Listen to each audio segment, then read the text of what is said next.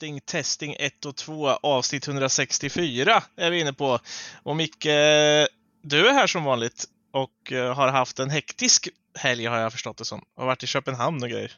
Ja, jag var, var i Köpenhamn ja. Och sen, ja lite stressig idag, kom precis hem och har inte riktigt hunnit förbereda någonting för den här podden, men det brukar ju gå bra ändå. Ja, men en liten boll på uppstuds så där kan väl vara skönt att smacka dit. Det gjorde Absolut kanske inte United gjorde direkt på uppstuds och så, men vi, vi gjorde lite mål i alla fall i veckan som var. Eh, och eh, det är ju faktiskt inte bara du och jag som har en trevlig mysstund ihop idag, utan vi har med oss en, en gäst, kanske mest känd från Tuttosvenskan, eller vad, vad för de som håller på med fotboll i alla fall, eller vad säger du Kalle? Ja, men så är det väl. Jag är någon slags eh, hustomte på eh, Kungstensgatan 26 där vi sitter och gör våra olika Tutto-projekt. Eh, så ja, absolut. Ja, eh, och eh, någonting mer du skulle säga om dig själv? Du håller ju på United, eh, Tuttosvenskan, stackars Göteborg kanske då, men Ja, i övrigt? Ja, jag, är, jag är egentligen ganska svag på allsvenskan. Bryr mig väl inte egentligen om särskilt mycket fotboll alls, förutom United om det ska vara Helt rätt. Älskar den trion. Då har du ändå hittat till rätt podd ändå, kan man ja, tycka. Jävligt fint. Jävligt fint att vara här. Mm. Sen har ju Kalle också varit med i med Gott Snack, som är en fantastiskt mm. underhållande podd. Ja, och jävligt stor också. Ja, den var, ganska, den, var, den var stor. Jag var med när, vi, när de drog igång det där. Och det, är en, det var en, gränslös morgonradio. Det kunde vara allt ifrån eh, Jan Guillou gästa ena dagen och andra dagen eh, två liksom, cirkusartister. Nästa dag kommer någon eh, transaktivist och eh, sista dagen han, han ensamseglaren Maurits som eh, körde en massa eh, droger över Atlanten. Exakt. Det var ju något avsnitt. Det var ett jävligt bra avsnitt faktiskt. Kan jag rekommendera alla att lyssna på. när Erik Niva var med och ni läste upp så här Flashback-fördomar om honom med en sån här jävla robotröst. Fy fan vad jag skrattade. Men Erik Niva har en gigantisk kuk. Så det var ju liksom på den nivån. Ja, ja, det det Och så fick han bemöta det. Det fanns lite i den tråden att välja mellan kan man säga. jag kan tänka mig att man skrattar rätt mycket när man gör i ordning sånt där också. Ibland kan man ju skratta när man sitter och letar saker här med. Men, uh, men jag tycker att ännu mer när man gör en sån där slags podd. Liksom. Ja, alltså jag tycker överlag när man, eh, när man jobbar med någon slags, eh, vad ska man säga? Alltså jag höll på att kalla det för scenkonst, men, men underhållning. Liksom. Då brukar alla hylla stunden efter man har gjort någonting. Men jag har alltid hyllat stunden innan man gör någonting, för det är fan nästan ännu roligare. Och eh, ja, Absolut, förarbetet i det också. Där kommer, där kommer man ju med alla sjuka idéer och det är, det är jävligt skoj. ja, vi sjuka idéer. Det, det, det, gillar vi, så att vi, vi ska försöka vara lite sjuka i huvudet här idag. Då. Ja, och, när vi pratar United. Det är ju det är fan upp och ner när känslorna svallar nu för tiden. Alltså. Det, är, det kastas till höger och vänster. Och vi ska försöka ta oss igenom den här veckan som har varit. Eh, eh vi, vi, har väl alla insupit lite United i helgen i alla fall och vi börjar någonstans där tänker jag. Vi har ju Nottingham Uh, och så tar vi Europa League som är en, uh, en liten så här soppburk sen och, och plåtar ihop de där matcherna, som den som har varit och den som kommer. Uh, men vi börjar i Nottingham och en match som vi vinner. och ganska dominant ändå, Micke. Vad, vad, vad, vad har du liksom? Vi har mycket tongivande spelare borta. är det bara Nottingham som också med mycket skador är asdåliga eller är United ganska bra här eller vad, vad, vad, liksom, vad händer? Eh, ja, det, det är väl lite både och skulle jag säga. Jag tycker ju att, vi har ju snackat om det innan, men jag tycker att Nottingham är det sämsta laget i ligan. Alltså rent spelmässigt. Och, Absolut. Så det, var, så det var inte så förvånande att vi dominerade matchen, men vi hade ju ganska kraftigt övertag vad gäller bollinnehav. Men jag tycker väl att, visst vi har många avbräck, speciellt i backlinjen, men från mittfält och framåt så saknar vi egentligen bara Rashford. Annars så är det ju Casemiro, Eriksen, Bruno Fernandes framför Bruno Fernandes som jag tycker varit fantastiskt de senaste, senaste veckorna. Så att just mm. centralt på mittfältet och där framför och sen Anthony haft bra matcher på sistone. Martial tillbaka, vilket också gör mycket. Så, så just offensivt så tycker jag att vi hade nästan det bästa laget förutom Rashford. Då. Ja, men då kan vi väl ändå lägga in där också att Sabitzer skulle ha startat, så Eriksen spelar ju egentligen på, på Sabitzers bekostnad. Det var lite tur, inget, inget ont om Sabitzer, speciellt inte eftersom han gjorde två mål mot Sevilla, men det var ju nästan lite tur att han var borta. Ja, lite. Alltså, jag vet inte om det hade gått så mycket sämre. Men han om man säger så. Han lyssnar inte på den här podden. jag, jag. jag, jag, vet inte, jag tror inte att Marcel Sabitzer riktigt lyssnar på den svenska raspodden. Det, det tror jag inte. Men... Raspodden. Älskar det. Det är, det är en sån sak, Kalle. Vi kallar ju den här podden för Raspodden, vilket blir lite så här... Vi... Fan, har jag hamnat fel här nu? Eller vad?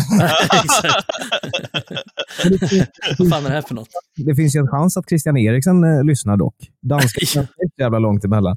Så han blir väl lite mer eh, eh, spaning där. Då. Ja, precis. Så vi har ändå, jag vet, jag kan se på uh, så här, lyssningar och vartifrån det lyssnas, så Norge-Danmark finns det ändå lite och någon enstaka finne eller något sånt. Eh, Ja, vi hade ju någon... eh, Ja, E- Eriksen, Ole Gunnar och sen någon finne då. ja vi Ja, sa ju precis. det alltid att Solskjaer lyssnar ju på podden eftersom vi, vi sa någonting någon gång och så gjorde han precis så, typ veckan efter. Att han Ja. skulle göra. Så att det är sen gammalt att han lyssnar på podden. Sen vet jag inte om han, han är så bitter nu på United kanske, att han, han har slutat lyssna. Eventuellt. Eventuellt. Ja, vad hade du för känslor kring matchen, eh, Kalle? Eh, någon... jag, jag tyckte att eh, det var lite efter det här mörkret mot Sevilla så var, kändes liksom att möta Nottingham. Eh, Det, det kittlade inte till så jävla mycket för jag visste nog på förhand, eller jag jinxade bort det i mitt eget huvud, att det kommer gå hur bra som helst och kännas hur lugnt som helst. Trots ehm, att liksom backlinjen är utbytt och så vidare. Men, men jag, var så här, jag var ganska positivt eh, överraskad. Det var kul att se eh, Vigge göra en bra match. Eh, Jag tycker det var också kul att se Bruno så extremt bra, för han är ju, alltså, jag, jag blir inte klok på honom. Han känns som en berg och dalbana ganska mycket. Alltså, så här, han kan göra två katastrofala matcher och sen vända till att vara typ eh, seriens bästa mittfältare. Så jag, jag, ja, det, var, nej, det, var, det var kul att se. Men det är intressant det du säger om Bruno, därför jag håller ju med. Eh, jag tycker ju oftast, och det vi snackar om mycket här, att han är ju så jävla hafsig ofta. Så att Ja. han kan ju, han slår ju, han, först spelar han fram till två frilägen, sen liksom ger han bort den tio gånger i rad om man håller på att slita av sig håret.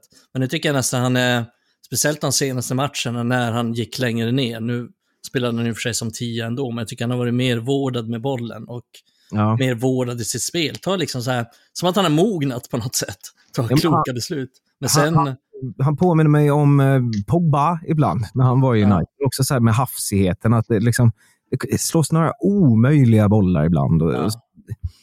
Sen eh, han var lite så här, det, det är mycket gnälla och sådär fult, men det älskar man ju när det går med en å andra sidan. Så att, ja, Jag trodde aldrig vi skulle behöva diskutera Pogba igen i den här podden. Alltså. Jag är så trött på den där jävla nej, fransmannen. en gång gör vi. Men du har bra Pogba Ratio i ditt snack, Kalle. Det två minuter in. Ja, fan, men någon måste ta den eh, bajsmackan också. Nej, men jag kan faktiskt hålla med lite där att eh, ibland så får man lite de vibbarna och, och Bruno är ju en sån spelare, det har vi diskuterat kanske 7000 gånger här, men han har ju uppenbarligen den, eh, det mandatet också från tränare efter tränare efter tränare att få göra just de här bitarna. Eh, Ja. Och den friheten liksom. Och då, ja, jag tyckte ju om, vi, vi sa ju det förra podden här att det var ju jävligt bra. Han, han spelade ju två väldigt bra matcher från det centrala mittfältet istället, eller sittande mittfältet. Eh, nu går han upp som tia igen och jag tycker han fortsätter med, med en bra liksom framåt eh, anda, eller framåt prestation egentligen. I, och, och man ser ju att hans på något sätt, formen är ju uppåtgående. Eh, Vi kommer till Sevilla sen, det är lite synd att han inte då finns med mot Sevilla, men då får han vila lite istället inför fa Cup-semin som kommer. Ja, det var synd att det där skottet inte gick in. Det där jävla skottet. På Ja. tal om, som Navas räddare. På tal om det, Kalle, Ja. framförallt, har Navas sämst frisyr i hela Premier League. Alltså, nu har ju fan Antoni styrt upp sin frilla, men jag vet inte.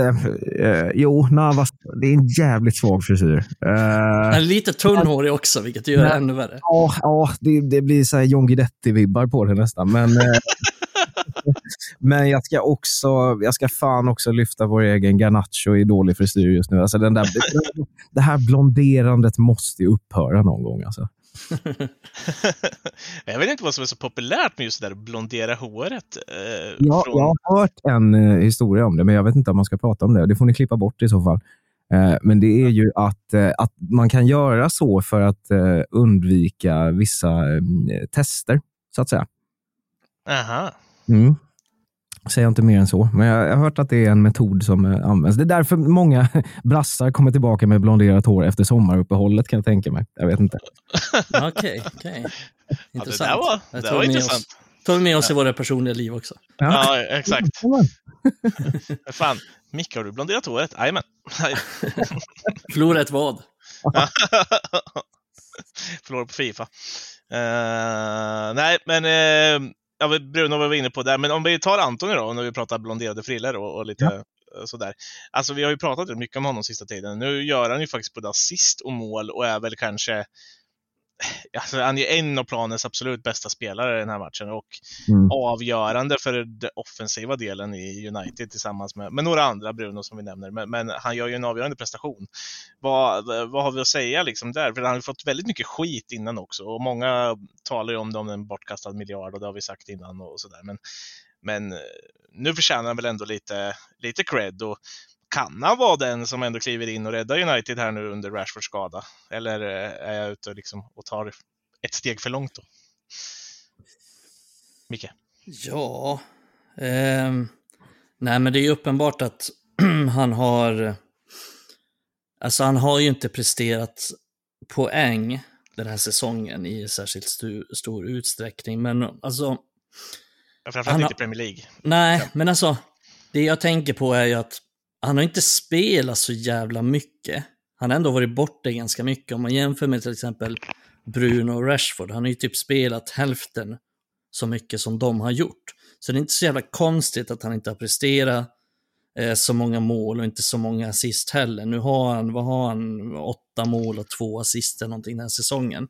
Och det är klart att det inte är så jävla bra, men så jävla dåliga stats är det ju inte heller. Eh, men Nej. men det tror, jag, det tror jag var viktigt ändå, att han, både för honom själv men också för supporten till lite lugn och ro, att han presterade den här, dels att han gjorde mål, men också att han gjorde assist, tror jag var jävligt viktigt. För att just målproduktionen är ju ändå helt okej, åtta mål på vad han nu har för, för matcher. Det är ju ändå, han är ju bland de som har gjort flest mål i United den här säsongen ändå. Men Ja. två assist bara den här säsongen, det är ju inte jättebra av en kreativ ytter. Sen tycker jag ju som, som jag var inne på redan förra avsnittet då, att han har fått lite för mycket skit. Det är klart att man ska, kan förvänta sig mycket och ska förvänta sig mycket av en, av en eh, ytter som kostar så mycket. Men eh, just den här matchen så, så var han ju väldigt bra och jag tycker att det är så lätt att bli den när, för jag tycker inte att, alltså själv, den här prestationen som han gör mot Nottingham, den inte, skiljer sig inte så jävla mycket mot vad han har gjort innan. Skillnaden är ju att han gör mål och han gör assist. Och då får folk en helt annan uppfattning av honom. Jag har ju snackat om det tidigare, så att man är utkomstbaserad. Eh, gör man mål så är man bäst, gör man inte mål så är man sämst. Och det är väldigt lätt att hamna i den fällan, det gör jag själv också väldigt ofta. Men eh, så därför tror jag att det var viktigt att han, att han gjorde de här målen, speciellt som du säger också i, i Rashfords frånvaro, att han kan komma och leverera poäng. För det är, någon behöver axla det ansvaret. För Rashford har tagit ett stort ansvar vad gäller just mål.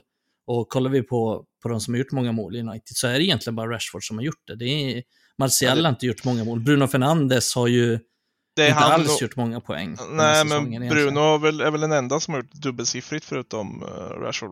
Ja, men om vi, om vi ser på Ru- Brunos tidigare poängstatistik så Ja. är han ju mycket sämre den här säsongen. Och det gör mig inte så mycket att han är det, så länge han levererar. Tar vi till exempel den här matchen mot Nottingham, han är ju bra som helst, det finns inget att klaga på. Men han gör ju inget mål eller assist. Men det är helt fine liksom, så länge vi, vi gör tre mål så spelar det inte så stor roll så länge han presterar.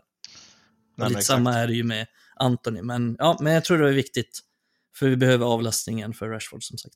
Men vad är liksom själva viktigheten i att han faktiskt får göra det där grismålet då liksom? För att det är lite det han gör, eller grismål, men han är, det är ett killermål istället. Han är där på en retur och stöter in den och har läst spelet innan faktiskt. Utan det är liksom inte ett av de här som vi kanske har sett innan. Det är inte ett curlat skott borta i, i bortre klyk, utan det är ju uh, verkligen, han är där, han slår sin back och han stöter in bollen. Han, han höll ju på att göra sånt mål, men sen var ju Fambisaka i vägen där och blockerade målet. Men det är Ja.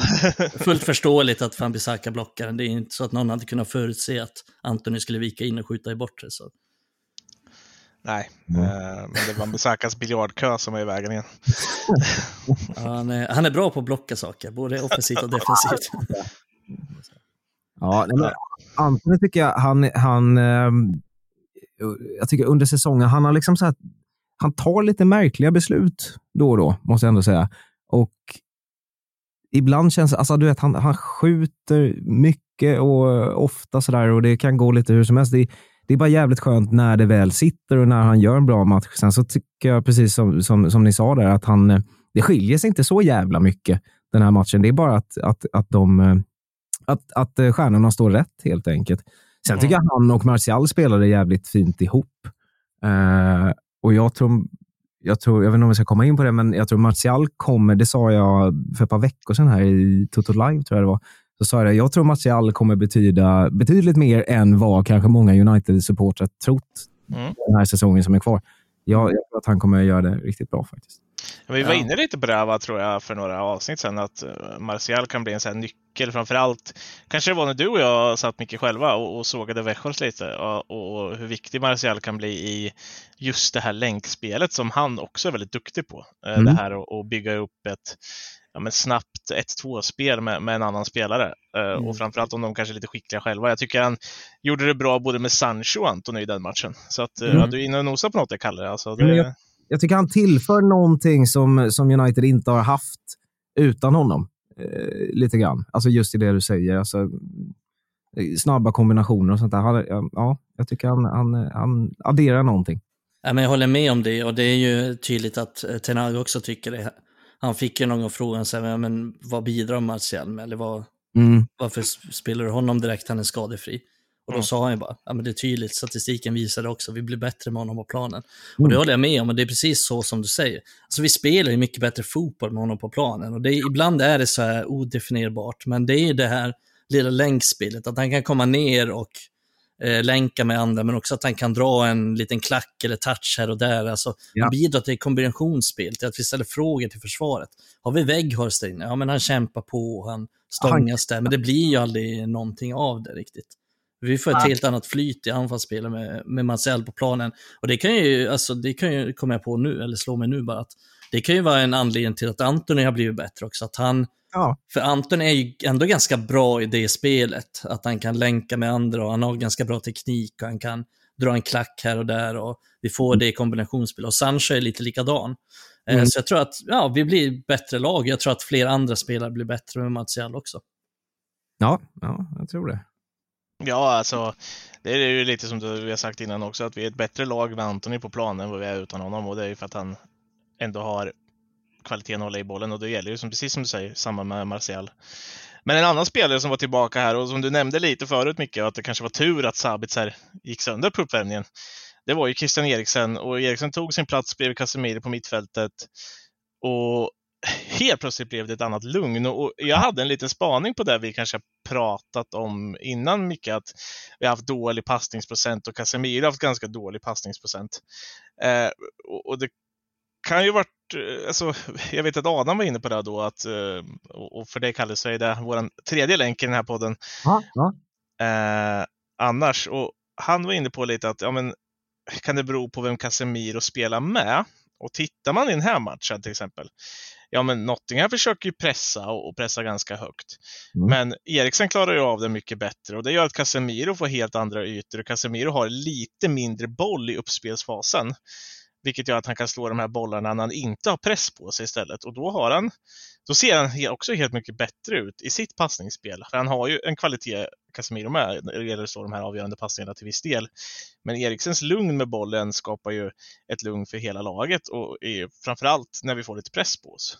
Uh, och är helt ute och cyklar i den här spaningen? Eller, alltså, för jag, jag, jag tycker verkligen att det var så. Uh, jag håller verkligen med dig. Jag, jag har tänkt som Christian Eriksson ända sedan han kom, att han är, han är ett jävla kamomillte för, för, för alltså, han, han, känns trygg och han, han liksom lyckas ta tid på sig, eller hitta tid och sånt där. Alltså, det känns aldrig stressigt som, eh, som det har gjorts förr om åren på Uniteds mitt, mittfält med Christian Eriksson. där. Jag tycker han är klockren på det sättet. Mm. Mm. Han, gör, han gör stor skillnad, då, speciellt med tanke på att vi saknar passningsskickliga spelare. Och tar vi bara den här matchen så tyckte jag att han var extra bra. Det här är ju en av de... Jag tyckte han var, lite, han var ganska dålig när han kom in mot Sevilla, men tyckte han var jävligt bra i den här matchen. Kanske bäst på, bäst på planen. Och han, Alltså kollar vi bara statistiken så satte han ju liksom 89% av sina passningar och ändå var han väldigt kreativ. Tre skapade chanser i matchen. Så att Mm. Han, han bidrog ju med, precis som Kalle säger, det här lugnet på mittfältet. Vi kontrollerade matchen, vi spelade ett enkelt, ett, vi hade ett tryggt passningsspel. Det kändes aldrig stressigt. Det har det gjort tidigare matcher, speciellt i slutet, eh, ska vi säga, de sista månaden. Att liksom direkt vi får bollen så är det som att det är lava på bollen. Liksom Bara ge bort den och snabbt som fan ge den till någon annan. Men nu har vi ett helt annat lugn, ett helt annat tryck framåt och han bidrar till det. Eh, Jag tror att han är en av de största nycklarna till det, men jag sa det innan också här att Eriksen, Casemiro och så Bruno framför. Jag tror att jag såg någon statistik på att när de tre har spelat tillsammans så har vi vunnit 18, spelat två oavgjorda, förlorat noll. Eh, Så Mm. det, är, det är uppenbart att det är en helt annan trygghet och ger en helt annan skillnad till laget med, med just de där tre tillsammans. Och Eriksen spelar såklart en stor roll i det. Casemiro förstås också och Fernandes också. Men just Eriksen att vi inte riktigt har någon som är sådär lugn och skicklig med bollen som han är. De andra är ju bra på, på andra saker. Så här Bruno, vi vet, han har sina avgörande passningar. Vi vet Casemiro, han är en, han är en jävla bulldozer på att vinna, vinna bollar. Men just lugna ner spelet, hålla i, slå en passning. Det, där är han ovärderlig för United. Ja, och det var väl lite dit jag ville komma och, och, och just det här med att han får Casemiro i en annan form av roll också. Casemiro behöver inte vara den som...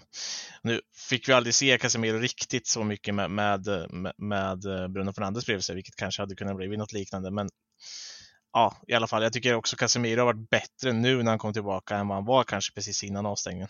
Uh, uh, och ja, vi kommer Han, till... han hade väl någon tung match, han var ju avstängd. Eh, sen kom han Mm. tillbaks och förlorade med... Vad fan blev det mot Liverpool? Äh, skitsamma, det nämner vi inte. Det Nej. onämnbara resultatet. Sen Exakt. blev han ju avstängd direkt igen, så det var ju typ den enda matchen han spelade. Bra Ja, comeback. han spelade väl Betis där också, var väl där i, i sturarna och, och, och det var väl inte något att ja, prata om heller. Det var ju rätt klart redan. Så att, men, men eh, i alla fall. Jag tycker att han eh, ser ändå bättre ut också och, och, det kommer vi ju behöva nu, framförallt med, med eh, Martinez borta i Eriksen kommer behövas väldigt mycket nu när Martinez är borta. Mm. Eh, och jag hoppas nästan att Luke Shaw är tillbaka snart också. Ja, vad är stort där? Jag vet faktiskt inte statusen riktigt på Shaw. Har du koll på den mycket?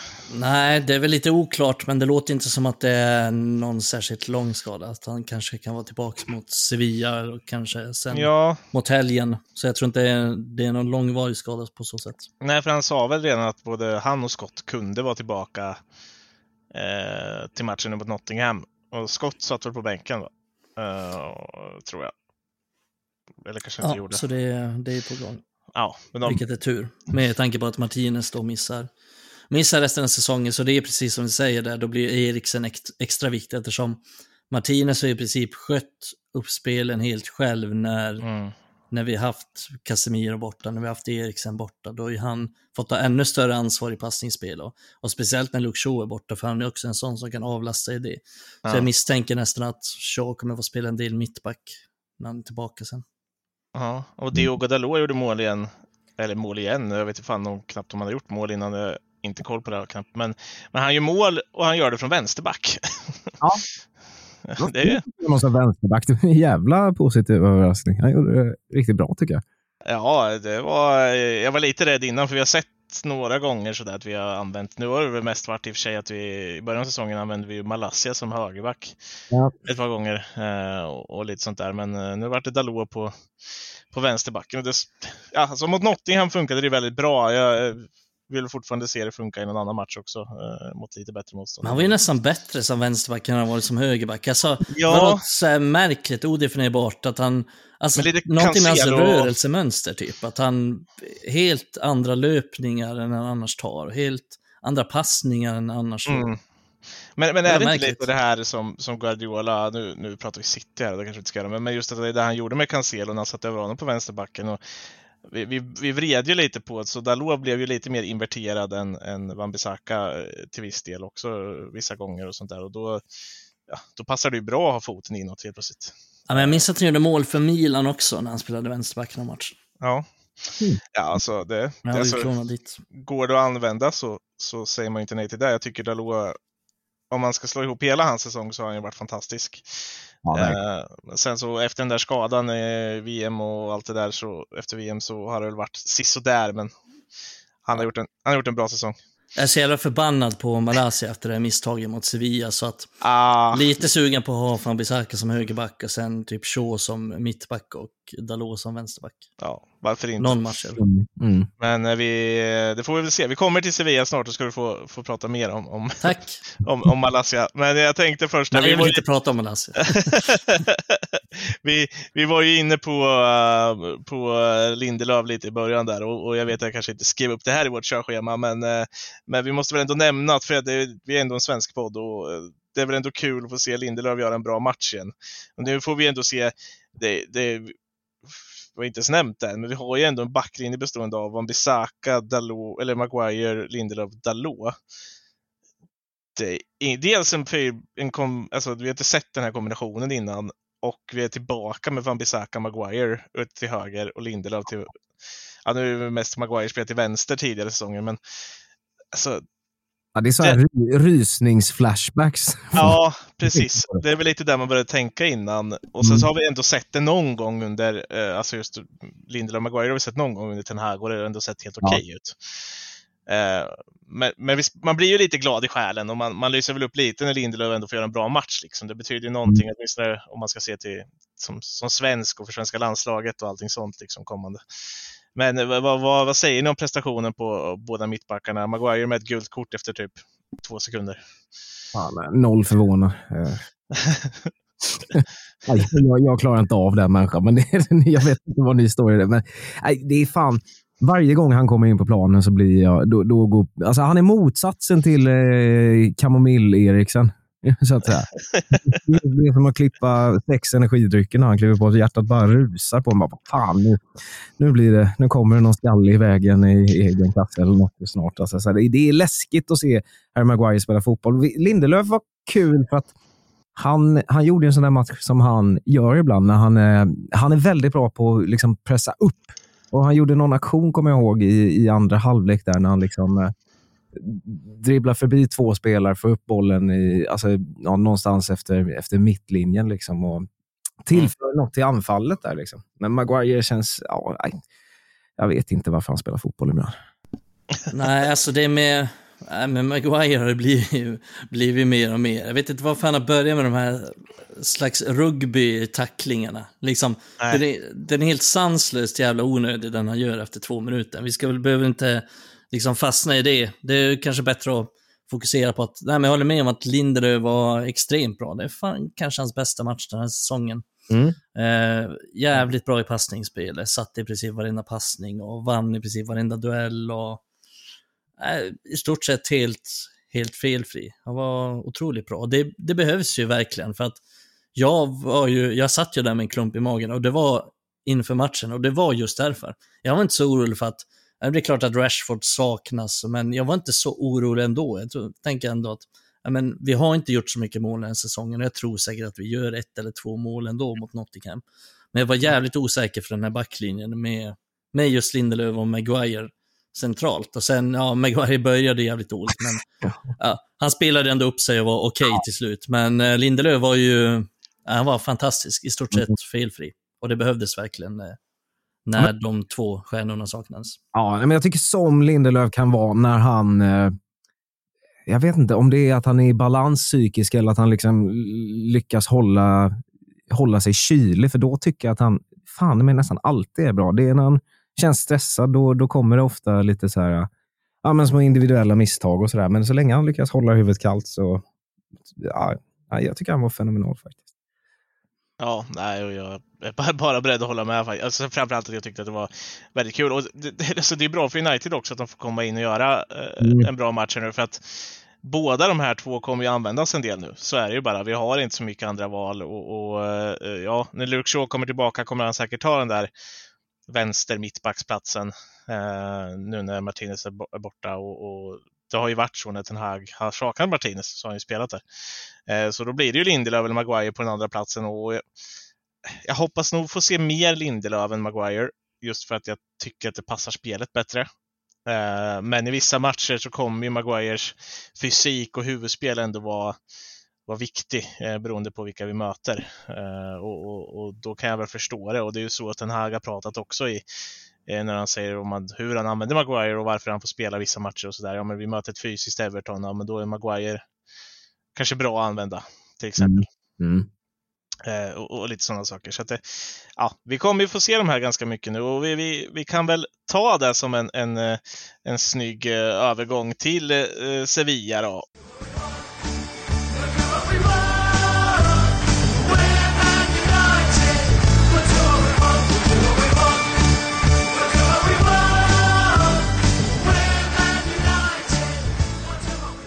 Och oh. eh,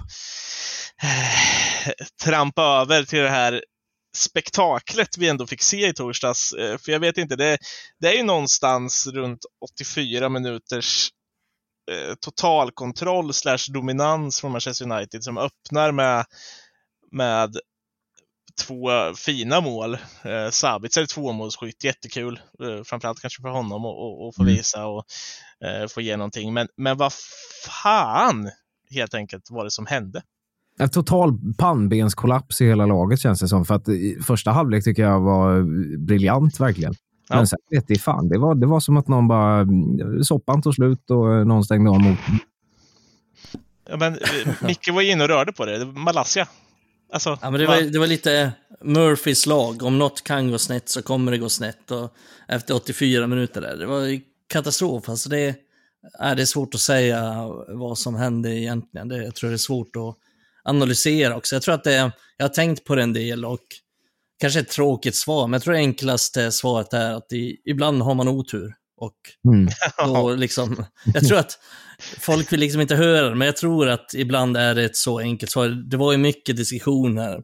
Ja, men han bytte för mycket och han bytte det och det och sen samma personer som sa det har egentligen sagt att han har roterat för lite innan och sen när han roterar då gör han fel och sen när han inte roterar då gör han också fel. Så jag känner väl att, ja.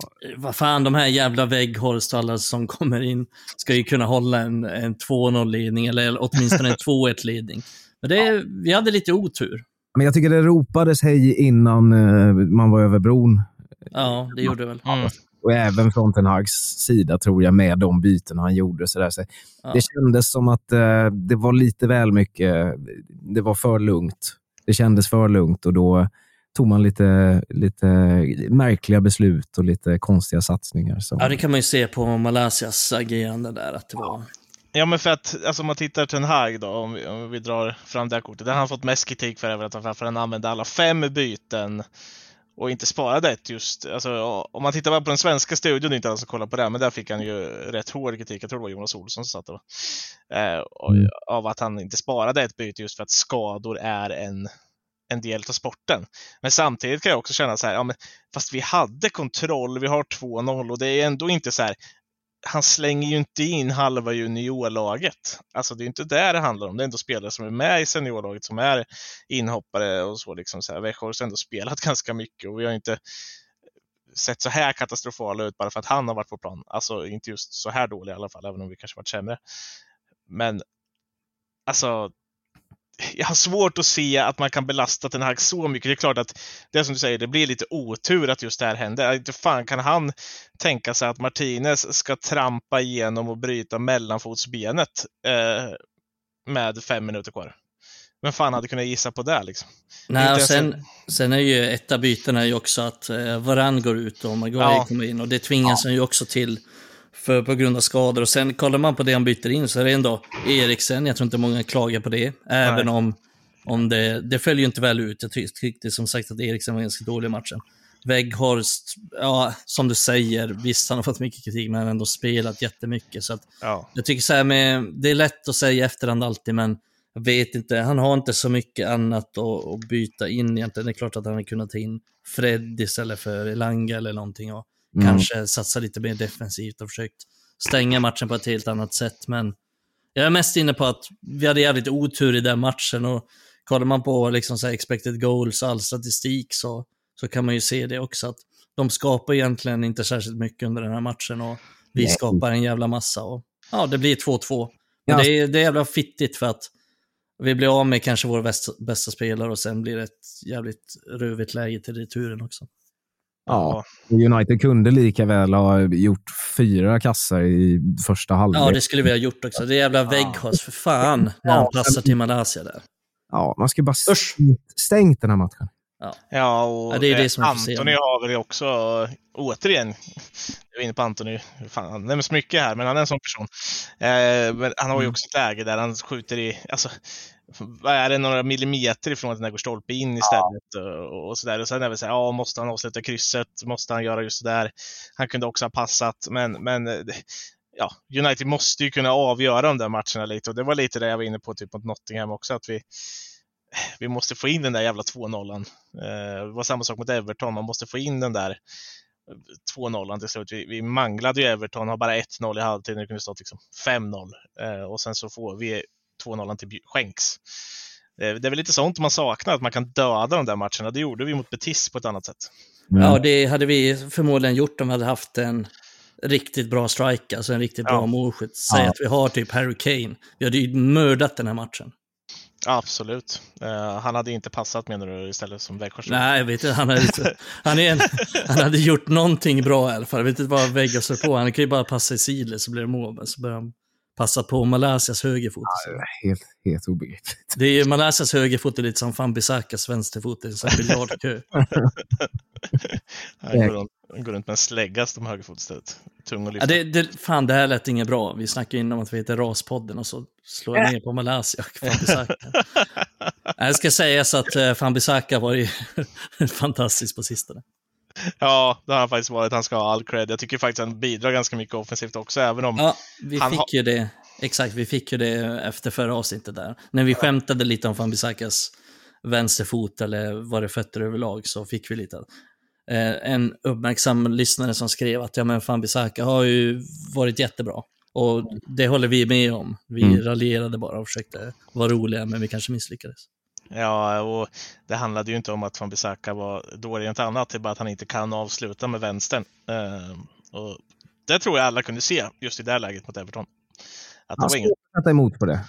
Ja, det, Han är ju rolig på det så här. Jag gillar honom alltså ändå. Han är ju lite så här, Jag har aldrig sett honom göra en intervju någonsin och då är jag ändå liksom så här die hard, följer United. Jag har aldrig sett han uttala sig om någonting. Han bara kör på, tuggar tuggummi och så går han. Tacklar lite. ja. Men har han inte årets no care ansikte? Liksom? Det, det är verkligen ser ut som att han bryr sig inte om någonting. Han gör världens glidtackling, räddar på mållinjen med 30 sekunder kvar av en match, United vinner. Nej, jag tuggar lite på mitt tuggummi och går vidare. Alltså Ja, det, väldigt mycket så. Väldigt mycket bara ställa sig upp, eh, borsta bort gräs och blod och skit från knät. Nej, Jaha, då har jag gjort mitt jobb.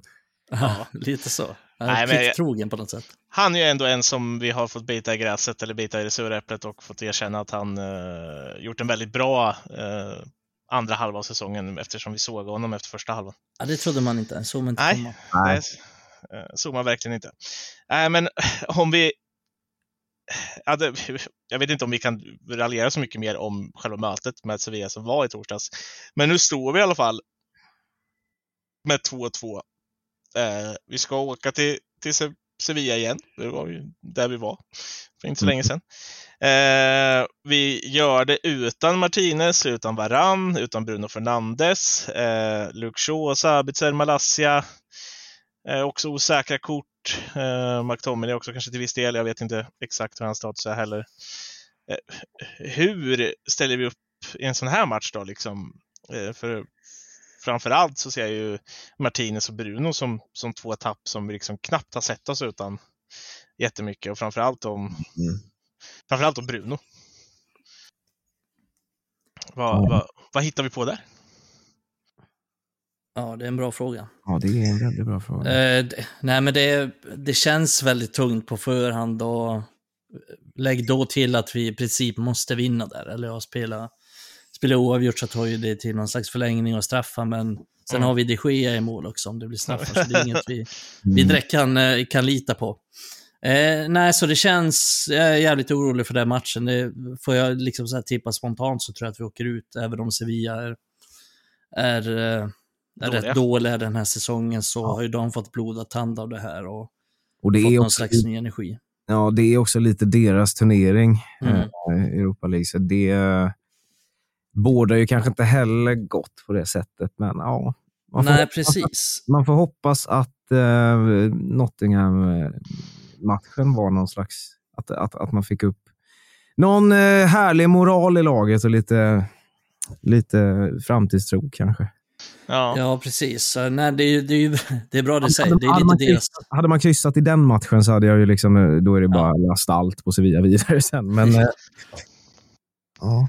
Ja, sen vann ju Sevilla också såg jag i helgen mot Valencia, så det räddar ju deras säsong lite att de är, ja, ska Ja, men Valencia, klara, men Valencia är ännu sämre än ja, de Sevilla. ligger fan tredje sist i La Liga eller något sånt där tror jag. ja, så nu är ju Sevilla typ eh, åtta poäng upp till, eller ner till nedflyttningsstrecket, så att de Mm. känner nog att det var en jävligt viktig, ja, en jävligt bra vecka för dem helt enkelt, men nej, det, Erik Ten Hag ställs ju på test nu. För Ja. det här blir ju, ja, det blir verkligen en, en svår match med så många nyckelspelare borta. Precis som du säger ändå, ändå när man tar i det, Martinez, Varann, Mm. Fernandes, Rashford. Ja, det är hemskt att tänka, det är viktiga spelare. Eh, så det är, jag hoppas på att det blir en sån här att vi kan någonstans- gneta till oss, att vi försöker hålla... Fan, nu låter vi som ett jävla bottenlag. Det är ändå Sevilla som är ett bottenlag i La Liga, så vi ska, kanske inte ska gå in med den inställningen, men jag tror ändå att det blir lite så här att vi, vi får försöka vara ganska effektiva och sen inte släppa in någonting helt enkelt. Att, Mm. vi, att vi någonstans är extremt noggranna i allt vi gör och inte släpper till någonting och sen tar vara på chanserna som kommer. så Det ser väl jag som den, som den största chansen att vinna, för det är, Mm. det är många tunga avbräck och vi har inte riktigt, vem ska vi ha som ersättare till Fernandes? i den Ja, men vem spelar tia i den där matchen då? Om, om vi säger att Sabitzer gick ändå sönder nu. Att han är tillbaka Mm. redan på torsdag känns väl ändå ganska orimligt, skulle jag säga. Ja, men kanske att typ så här Casemiro och Fred spelar och sen kanske Eriksen framför. Jag vet inte. Det är... Ja, det, det andra jag såg var ju att Sancho kliver in. Han har ändå spelat lite tia. Och Mm. typ Ja. Pelistri kliver in, eller någonting sånt. Ja, det, lite Eller- problematiskt att både Elanga. Plistri liksom och ja, Elanga kanske, eller Garnacho är på gång tillbaka så. Ja, men det, är- det är svårt att spekulera, det blir nog... Ja, det, det är svårt, det, det kan hända mycket där och vi vet inte riktigt status på många spelare. Shaw kan vara tillbaka, Sabitzer kanske är tillbaka, McTominay kanske är tillbaka. Ja, är flera av de här spelarna tillbaka, då tror jag att vi har eh, ett ganska stort övertag igen. Men man får ändå säga att liksom Shaw var ändå inte med på bänken mot Nottingham, att han ska vara tillbaka på torsdagen då och spelklar från start. Det känns ändå rätt osäkert. Alternativt att de kanske sparade just för att de visste att ja, men vi kommer behöva honom mer på torsdag än vad vi behöver honom på, på söndag mot Nottingham. Det kan ju vara smarta på så sätt också. Ja, men eh, summa summarum så, ja, det blir, det blir en tuff match och det, det är ett stort karaktärstest, tänker jag ändå. Med tanke på att, ja, vi, vi är kvar i så många turneringar, vi har spelat så många turneringar, vi spelar flest matcher i hela Europa, det är inget lag som har spelat så många matcher som United har gjort och sen komma i det här svåra läget, för det är också ett psykiskt tungt läge. Att ha det här, vi har den här vi har den här kvartsfinalen i våra händer och så bara släpper vi den på några minuter och ger Sevilla den fördelen. Så det ska bli jävligt intressant att se hur United hanterar det. Men jag, är- jag är livrädd för den matchen. Ja, det... Och jag, ska man gå in, gå in på det lite nu då? Alltså är, är Europa League så viktig då för United i år? Om, om man tittar till hur viktig faktiskt fjärdeplatsen i ligan är istället. Det, det, det känns ju ändå, det är ändå på något sätt Europa League går ändå ner till att man ska vinna en avgörande match sen i slutet. Eh, och, och där kan ju Mm. allt hända. En match kan allt hända oavsett vilka man möter. Ja, det som är bra med Europa League är ju att det ger oss båda de här sakerna som vi vill ha. För att ja, vinner vi Europa League, då är vi klara för Champions League. Mm. Men också att vi vinner en titel. Så att Ja. jag skiter ju alltså enda anledningen till att vi, vi vill bli liksom topp fyra i ligan, det är ju för att vi ska nå Champions League. Ja. Det är ju egentligen skitsamma, vinner man inte ligan så kan ju United lika gärna komma 14 plats som fyra. Det är ju helt ointressant om vi skulle vinna Europa League den säsongen. Så um, det är väl det som jag tycker är bra med Europa League, att det ger oss dubbla framgångar på något sätt. Mm. Men ändå ett osäkerhetskort, just det att det hänger på en enda avgörande match. Ja, det är klart. Det är klart. Så det är lika bra att bli trea i ligan då. Ja, alltså det, det, hänger ju ändå på fler matcher, det är lite så, det där kortet jag försöker spela in här. Det, och jag förstår egentligen båda sidorna av det. Jag har läst lite uh, olika poster och så på Twitter och sånt och olika som uttalar sig om, om de olika delarna och uh, ja, även via Play-studion var inne på, på det här med att man kanske borde bortse från FA-cupen. Vi kommer till den snart eftersom vi ska spela semifinal där också, mitt i allting. Mm. United ska ju spela varenda jävla match det här året som de tänkt, som de kan spela. Det är bra. Fortsätt ja. så United. Ja, eh, just nu så kanske inte vi tycker det är lika bra med tanke på skadorna. Men eh, ja, det, är klart att, det är klart att vi vill se United spela alla matcher de kan. Det betyder ju att de också går långt i alla turneringar och, och gör det bra.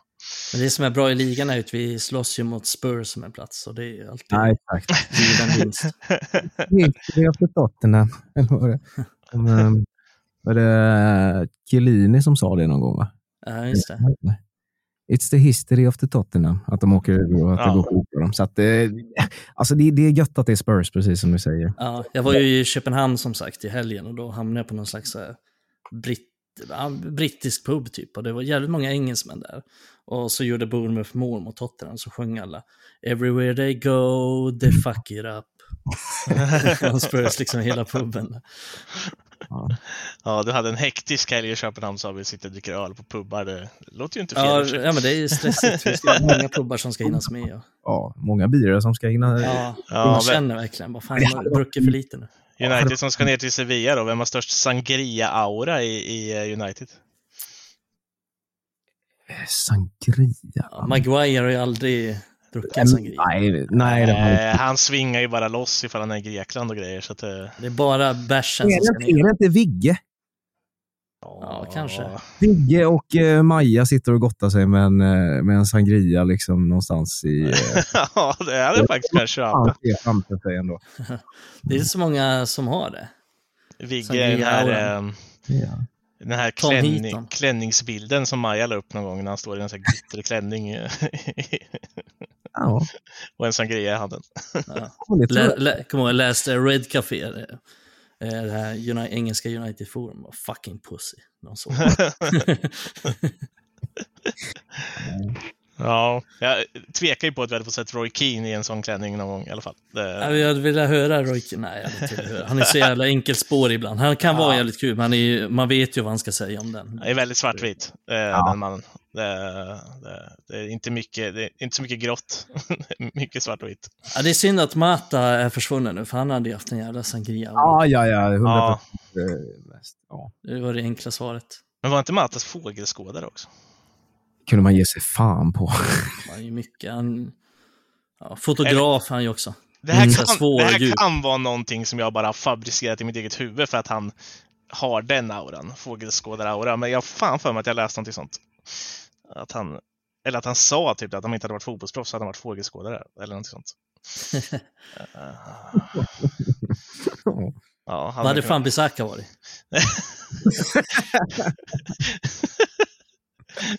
jag, jag, jag blir snart rasistanklagad så jag ska inte nämna någonting. Nej, jag tänkte säga det, men så kom jag på vad vi sa förut. Men det- han, han har väl ändå ganska stor gangsteraura, eller? Nej, jag Jo, tänker att han jobbar så här på något enformigt. Lager, eller nej, Exakt. budbil. Ja, Ja, Tunga man lämnar paket och sen bara snabbt därifrån. ett no-care-arbete, exakt. Han åker runt och slänger paket på folks uh, liksom uppfarter och sen sticker han därifrån. Ja, ja. Tuggar tuggummi. Ja, Eller, eller att han liksom lyfter någonting på ett band och sen, ja, ja ni fattar. Tillverkar skor. ja. Om, man, om man har liksom någon slags kundbemötande i sitt jobb så är han ganska bufflig. Eh, tar fram ett papper och säger bara sign here och sen eh, tuggar, tittar, ut, tittar med tom blick strax över pannan på mottagaren. Sen bara gå, tar han pappret och går därifrån. Kör.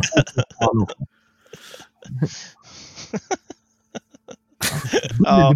Köraren eh, van Bissaka. Ja, jävlar. Fan, jag gillar fan Bisaka mer och mer. Jag har sagt det innan nu. Nu jag- säger jag det igen. Ja. Nej, Ju men mer det- jag pratar om honom. Jag tycker det, tycker det är rätt. Eh, nej, men vi, vi stänger väl Sevilla-kapitlet där då och eh, tittar eh, mot eh, helgens bravader som väntar då. Och vi var ju lite inne på det, FA Cup Semi mot Brighton. Eh, en semifinal eh, och en chans att söka, eh, säkra ytterligare en final. Och vi var ju, du var inne lite på det Micke. Vi, United var United ute efter, våra största supportrarna efter, och det var titlar. Eh, tagit en titel, men eh, då måste väl den här matchen ses som extra viktig då eftersom den kan säkra en match om en titel i alla fall. Eller vad, mm. vad är vi inne på där? Det är ju, i den här matchen får ju Bruno spela, eh, alltså han är tillbaka i alla fall, men, men mm. annars är det ju lite samma problematik eh, som inför Sevilla. Mycket folk borta och ett kanske framförallt ett väldigt mycket bättre motstånd. Ja, de är ju de är i princip det näst bästa laget i ligan efter VM. Eh, Brighton, speciellt om man kollar på liksom så expected goals, expected uh, olika, olika statistiker för det och jag såg ju en del av matchen mot Chelsea och de var ju totalt överlägsna. Mm. Alltså totalt överlägsna i hela den matchen. Jag såg mot Tottenham också. Totalt överlägsna även där, även om de inte vann den matchen. Så är det, det är en otroligt svår match. Jag vet att många tänker nu, ja United har haft lätt för Brighton många gånger, även om vi förlorar hemma den här säsongen. Men jag tycker ändå att de är ett helt annat lag nu under De Serbe än de har varit tidigare. De har haft sina mm Visst, de har kunnat dominera matcher och så här, men de gör inte så mycket mål eller så. Men de är, de är jävligt, jävligt bra nu och de, det är inte många lag som, som kommer slå dem den här säsongen. Så att det blir, det blir, blir en svår match och som det känns just nu så är Brighton favoriten med alla våra skador som vi har. Ja, ja absolut. Mm. Jag, jag, alltså, den matchen är jag mer rädd för än Sevilla-matchen trots att vi saknar Bruno mot Sevilla. För att jag såg också Brighton-Chelsea just och det är snuskigt alltså. Men jag får vissa så här Leicester-vibbar på, på det där laget. Just att säga, Solly Marsh, när fan blev han så där bra? Killen har sprungit runt där i, i Brighton och i, i lag, chipslag hur länge som helst känns det som och aldrig varit speciellt bra. I år är han ju helt plötsligt Real Mares ute på plan. Alltså som han var i, i Leicester nej, jag, jag, förstår inte riktigt vad, vad, hur de har kunnat få ut det här av vissa spelare. Danny Welbeck ser ut som aldrig, bättre än aldrig någonsin. Liksom. Ja, men de har ju liksom, de har 26 avslut på Sanford Bridge. Ja, det är... Eh, och tog, dominerar bollinnehavet och släpper knappt till någonting. Chelsea gör ett jävla turmål i den matchen. Det är ju precis mm. det enda Chelsea har i den matchen. Förutom något så här halvdåligt skott från någon dålig vinkel. Så de är, även om Chelsea inte är ja, i, i sitt bästa slag minst sagt, så är det ändå jävligt starkt att åka till Stafford Bridge och dominera så pass stort som de gör.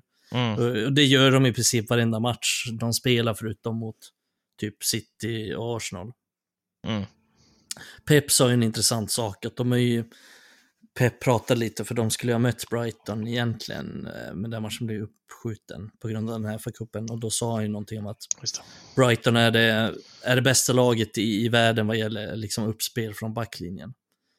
Eh, så, nej men ja, det har bara lovord att säga om Brighton. och Fantastisk, fantastisk klubb på många sätt och vis, ja. hur de arbetar. Och... Alltså, och det är, så här, det är ändå så ganska det är ju inga skrämmande namn i den där backlinjen heller. Alltså Louis Dunk, ja, all ära, men, men det känns ju mer som en Maguire-typ av spelare än, än mycket annat. Och, och eh, liksom Joel Fältman, ah, känns ju inte som en, en, en eh, prompt jättespelskicklig i, i back, även om han inte är dålig. Men, men det är liksom inte övre halvan spelare vi pratar om här. Eh, I mångt och mycket, utan någonstans finns det ju ett system och, och, och en tro som gör att de blir så fruktansvärt bra. Ja. Mm. ja det är, nej, de är... nej, jag, har nästan inga ord för det. De är nej. otroliga. Ja, vad har du för känsla Kalle? Uh, ja, nej, men jag, jag, kan inte annat än att hålla med helt. Den känns, uh, det känns som den absolut uh, läskigaste matchen om man jämför med Europa League-matchen mot Sevilla. Då. Brighton har ju, det är sån sanslös form. Mm. Jag vet inte, de är ett sånt där lag som om förra om åren har jag aldrig tänkt så mycket på dem. Liksom. Eh, men nu ligger de, eh, de, de ligger på 49 pinnar. Eh, sjunde plats i ligan och eh, kanonform. Och sen som ni säger, att, här, att, att, eh, att slå Chelsea i det här läget kanske inte säger så jävla mycket. Men mer hur man gör det kanske? Mer hur man gör det, exakt. Och, ja. de, de, de kommer med ett, Jag har inte följt dem superbra, men känns som att de har ett eh, jävla självförtroende just nu och eh, jag tror det kan bli, kan bli skakigt att möta dem. Ja, minst sagt. Uh, mm. jag, jag, jag, jag har svårt att säga, men jag har skrivit upp den här punkten just att United har ju vunnit alla sina fa matcher i år med 3-1. Ah. Vin, vinner vi mot Brighton med 3-1 också? Ja, men det är, det är taget. Det är taget. jag tänker varför bryta en vinnande trend? Eller? 3-1 ja. mot Brighton. Det är en ganska, ganska fin väg att eh, staka vidare på tycker jag. Ja, det vore väldigt coolt ändå för Ten Hag att sätta sig. Vi vann FA-cupen, vi vann alla matcher med 3-1. det hade du gillat. ja, den, den, statistiken hade jag gillat eh, extremt mycket i alla fall. Eh, nej, men det går väl inte att säga mycket annat än att eh, alltså, det kommer bli en tuff, tuff match. Jag tror absolut United har chanser att vinna även mot Brighton. Det beror på, helt på vad, vad spelarna går in med för inställning och hur vi, hur vi kommer in i matchen. Alltså om man lyckas bryta deras extremt fina spel. Det enda som egentligen, om vi ska gå in på Uniteds del av det här också på något sätt. Det som tyder för United är ju att Brighton vill ha ganska mycket boll. Och du har ju sagt det förut, eh, eh Micke, att eh, Uniteds egentligen största kvalitet är ju kontringsspel och omställningar. Och kan vi få ställa om på Brighton lite, då har vi ändå en viss chans, även om vi saknar Rashford. Ja, synd att vi saknar mm. världens bästa omställningsspelare bara. Men, ja. men du har helt rätt i det. Det är en, alltså, just vad gäller matchbilden så är det ingen matchbild som passar United så dåligt. Men det är ju bara det att de är ett så jävla bra lag så att de kommer förmodligen dominera matchbilden och, och skapa en hel del mot oss. Så, ja, men det gäller att, lite som jag sa mot Sevilla, att det gäller att vi är effektiva när lägena väl kommer, men samtidigt också att vi är jävligt noggranna i defensiven. Och Mm. Och jag hade ju haft stora förhoppningar faktiskt om jag hade haft Varann, Martinez, vi hade haft Rashford. Då hade jag ju tyckt, även om Brighton är fantastiska, att ja, men då är vi förmodligen favoriter ändå. För att jag tror på United i just den här typen av utslagsmatch. Att vi har den rutinen, vi har den vinnarinstinkten i laget. Men, mm. men nu med alla de här skadorna så ser jag Brighton som favoriter. Jag ser att mm. vi kommer få en tuff match och vi får inte lika bra omställningsspel heller när vi, vi saknar Rashford. För att då kommer vi spela förmodligen med Sancho och Anthony och de är bra spelare men inte riktigt så bra omställningsspelare. Så att, men det är viktigt att vi har Bruno Fernandes i alla fall för att han är han kan ofta vara tungan på vågen i den typen av matcher och kan vara utslagsgivande och vi behöver all firepower vi kan få jag skulle säga att Martial är jävligt viktig i den matchen också. Jag tänkte precis säga det, att även här mm. tror jag Martial kan komma att spela en fin roll eh, när ni snackar om också omställningar och sånt där. Han, han är jävligt eh, fin på att lösa ja, men felvända situationer och vända upp spelet på ett. Ja, verkligen, för det här är ingen match för Weghorst överhuvudtaget. Han ska inte äntra planen den här. Nej, nej. uh, nej och, och, jag tror att det hade kunnat varit en bra match uh, sett till um, sett till hur det gick för att kanske inte spela Eriksen, om du förstått vad jag menar, och spela Sabitzer bakom mm. Martial just eftersom vi hade fått ställa om rätt mycket. Och där har Sabitzer varit ganska bra i att löpa djupled också. Bra rörelsemönster eh, ja. som mot Sevilla. Vi har inte nämnt Sabitzer så mycket, men just i den matchen mot Sevilla, Sevilla så får man ju säga att det är hans liksom, löpningar som öppnar upp mycket och där är mm. Martial en nyckel också, för han är bra på att se de löpningarna. Och mm. det, den luckan öppnas ju upp när Martial droppar ner och då finns det utrymme för Sabitzer till exempel, som är bra på att ta de djupledslöpningarna. Så det kan ju absolut vara någonting i, i just den här typen av matcher också. Ja, men just han och Martial hade ju ett väldigt bra eh, samarbete i den matchen. Det här med att när Martial droppar så löp, går eh, Sabitzer och de gjorde det väldigt tajmat och, och skapade rätt luckor liksom. Och, ja, det ser man ju som du säger. Det är två mål och det är ju svårt att, att se bort ifrån. Um, så det hade varit trevligt om han hade varit tillbaka också. Jag tror han hade kunnat vara ett användbart eh, kort just i den matchen. Även om ja, Eriksen och Bruno inte är något dåligt alternativ heller. Alltså, vi kan ju spela vårt bästa i mittfält, um, i alla fall mot Brighton. Um, så ja. kan vi se det. Ja. Men det är, inte så, det är, det är svårt liksom att spekulera. Det är, det är, bara att hålla tummarna för att så många spelare som möjligt är tillbaka så att vi kan mm. konkurrera ja. på någorlunda Ja, den gode Ten Hag får, uh, får trolla med knäna annars den här veckan, som man säger. Uh, och Ja, vi får se hur han får ihop det. För att, får jag gissa någonting så, så kommer han ju säga att uh, det spelar ingen roll vilka spelare vi har, vi alla ska vara redo. ja, En klassisk tränarkommentar, säger ja. man. Jag måste säga det. Ja, det vore kul om han sa något oväntat. Ja, men vad skulle han kunna Ja. säga då? Ja, men, Eh, Fuck, fuck this, I'm going home. Eller? Eh, tre- ja, skulle han säga we, we win 3-1? Ja. Ja, då är det total gåshud över hela kroppen. eller att Bright, Brighton är jävla fitter eller någonting. Uh, I, I hated Potter, I hate Serbia more. Fucking eh, fake Swede Potter. Ja. Ja, det var ändå rätt roligt. eh, De Cherby, var- hur många gånger han blivit utvisad nu, eh, jag vet inte. Men han blev ju där mot Tottenham där också. Det, det som jag tyckte mest roligt där var att Stellini i Tottenham också blev utvisad. Trots att han var 50 meter ifrån situationen. Oh. Det var ju... Ja, det, var, det var ingen bra dag för domare i den matchen. Det var inte deras dag. Nej, inte riktigt och det kan man väl säga. Det var väl... fan, kom inte... Fan, nu kommer jag att tänka på den jävla Brunos avstängning mot Sevilla. Ja, det, det har vi inte ens nämnt, men, men det kanske vi ska göra lite snabbt alltså. Men det, det är ju... Han missar någonting som skulle kunna varit rött kort till, till Sevilla-spelaren precis innan. Och så får Bruno gult kort för det där. Boll på axel, va? Ja, i alla fall. Den tar väl på armen när han slänger sig in. men han slänger sig in och täcker. Det är inte så att han har handen i någon speciellt onaturlig ställning för att slänga sig in och täcka Nej. skott. Eh, jag köper att han kan döma frispark, alltså för att han tycker ta på handen, men det är ju liksom inte att han slänger sig in och räddar bollen med handen. Alltså Nej, målvakten. men jag gillar ändå att Bruno, han blev ju halvt galen, men han, han borde ju ha reagerat ännu mer än vad han gjorde. Ja. Han var ovanligt lugn för att vara, för att vara Bruno. Ja, han var Mm. nästan, nästan mer Han borde skallat domaren. Jag hade gjort det. Han var nästan mer arg när han inte fick frispark när han filmade mot Nottingham istället. Så att...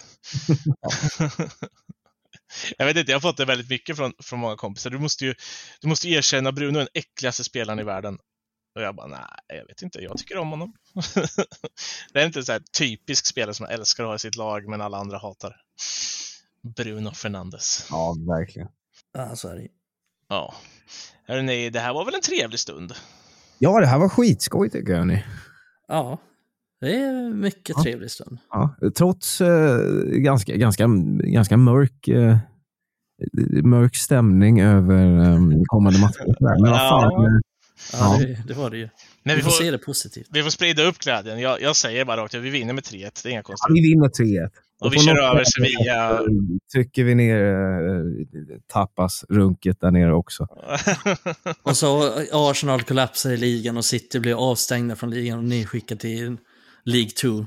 Så vinner vi ligan också. Då är det jag som badar naken i fontänen här på Sergels torg. kanske. Med en sangria Jag kommer ner dit. Ja, då upp fyller vi Sergels torg med sangria istället. Och sen vi och Vigge ner dit och bara jag, lo jag lovar Kalle, jag kommer också till Sergels torg Ja. ifall vi... Vi, vi fixar det, skriver till Vigge nu. Ja. Vigge, vinner vi ligan? Fontänen alla kupperna. frukt och sprit. Ja. Fontäner på Sergels torg. Han bara, ja, ja, det är klart. Lämna Maja hemma skriver vi bara. Inget. eh, Hon behöver inte se det. nej, exakt. nog för att det nog hade synts i tidningarna efteråt, skulle jag kunna gissa på. Eh, och jag tror inte att våra namn hade nämnts, Micke. Uh, Ja, det är olyckligt.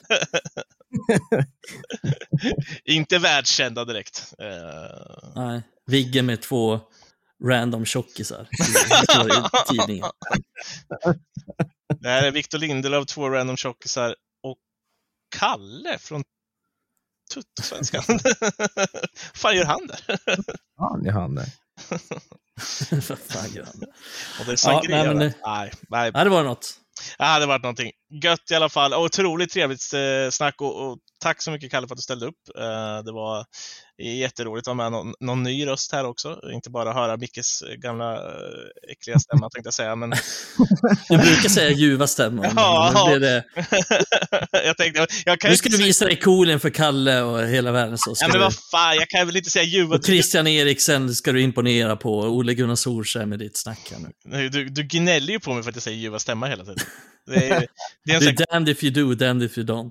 Ja, exakt. Eh, Mm. Go-to-uttrycket är väl ändå ljuva stämma. Jag gillar det, det har vi sagt förut. Ja, men det är bra. Ja, det är bra med lite högt och lågt här. Först en ljuv och sen den äckliga. Det är så det ska vara, det ska svänga. Ja, Klappa och så. Ja, jag har lite ont i halsen faktiskt, så det är bra. ja, men det kanske var Jävligt äcklig just nu. Äcklig. Nej, det är jävligt, jävligt gött hörni. Eh, vi eh, får passa på att säga till våra lyssnare att eh, eh, spana in Kalle och deras eh, podd också på eh, Tuttosvenskan och allt de gör på Tutto egentligen. Mm. Det finns ju en, en herrens massa saker man kan lyssna på om man vill.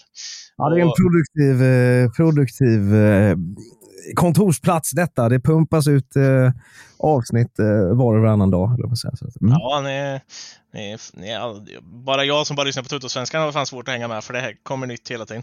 Ja. Eh, ja, men, eh, och uh, Gött Snack har ju Micke proppat för här så att det, Ja, ja, ja, men där får man gärna kika in. Även om jag inte, in, inte har något med det att göra längre så eh, lyfter jag det alltid. Ja. ja.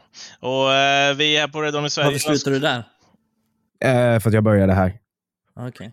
Ja. Ingen, ingen schism eller nej. Nej, för fan. Det var en fin sign-on-bonus här borta bara. Så det var, Bättre än på gott snack. All, allting, gör, allting gör pengar. Eh, nej, men uh, vi på Redon i Sverige vi vill åtminstone passa in att eh, ni ska följa oss såklart. Facebook, Instagram, Twitter. Vill ni snacka lite mer med oss på podden så gå, söker ni på RAS-podden på Twitter och DMar eller skriver någonting. Vi hade ju otroligt fin respons på förra avsnittet, uh, Micke, eller hur? Och sånt, Verkligen. sånt önskar vi Mycket alltid. bra respons på sistone. Precis, eh, och, och- vill ni skriva kritik till oss på något sätt, öppet eller dolt eller någonstans mitt emellan så, så är ni Så alltid gör det inte. Eh, Bara hyllningar.